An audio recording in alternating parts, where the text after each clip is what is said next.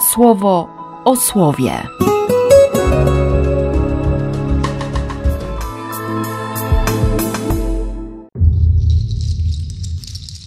Czternasty stycznia, piątek. No i Arka Pana wróciła. Wróciła na swoje miejsce, znaczy do Kirjat Jarim, 13 kilometrów na zachód od Jerozolimy. Ale musiało minąć 20 lat, żeby, jak to przeczytamy w siódmym rozdziale pierwszej księgi Samuela, cały dom Izraela zaczął się rozglądać za Panem. Ponad 20 lat bez konkretnego doświadczenia bliskości Boga. Takiego realnego, nawet przez właśnie przez ten znak arki. Więc Samuel mówi: jeżeli całym swym sercem chcecie wrócić do Pana, to usuńcie spośród siebie cudzych bogów. Skierujcie swe serca ku Panu, aby służyć tylko Jemu. No i to zrobili.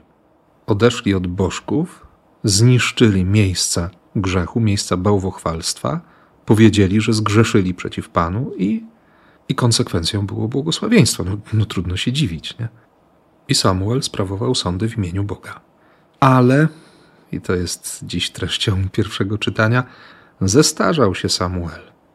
Dwóch swoich synów ustanowił sędziami, ale, ale oni nie trzymali się drogi swojego ojca. Szukali własnego zysku, przyjmowali, byli przekupni, nie przestrzegali sprawiedliwości. Więc Izrael wpadł na pomysł: ustanów nad nami króla, tak jak jest u innych. Bóg odpowiada prosto: Wysłuchaj głosu ludu w tym, o co cię proszą. Nie ciebie uznali za nic, mnie za nic uznali. Wysłuchaj ich, bo robią dokładnie to samo, co ojcowie od momentu wyprowadzenia z Egiptu. Wtedy, kiedy, kiedy oni doświadczyli wolności, nie? od razu zaczęli szukać sobie innych bożków. Jest źle, jak trwoga to do Boga, ale jak jest dobrze, to no, w sumie tak jest. To słowo dzisiaj jest takim lustrem, tak bolesnym lustrem, i jednocześnie od razu prowokuje taką modlitwę, takie mocne wołanie, żeby, żeby nie być jak inne narody, ale przede wszystkim, żeby nie być z Bogiem wtedy, kiedy jest źle, a jak, a jak jest wolność, jak jest doświadczenie tego, tego smaku, perspektywy, przyszłości, błogosławieństwa, to wtedy można odejść. No ludzie nie słuchają. Nie? Niech król będzie nad nami, wtedy będzie u nas jak u wszystkich ludów. Przykre i bolesne. Lustro. Dobrze, że Bóg nie pozostawia w tym stanie. Że jest szansa na nawrócenie i, i nawet kiedy człowiek jest absolutnie sparaliżowany sobą samym, nie może się odezwać, nie potrafi się odezwać, nie potrafi sobie pomóc.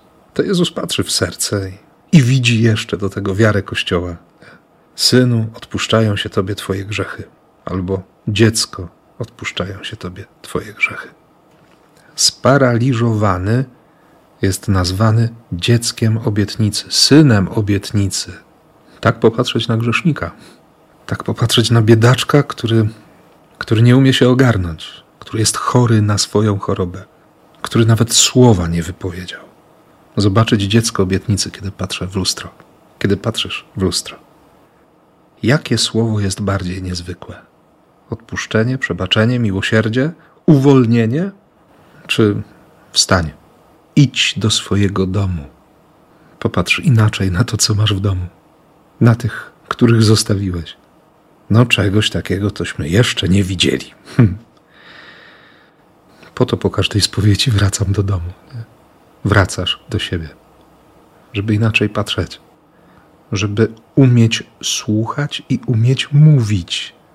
Ta Ewangelia naprawdę otwiera sporo, sporo dobrych myśli może się pojawić w głowie. Więc niech Ciebie też uruchomią do życia.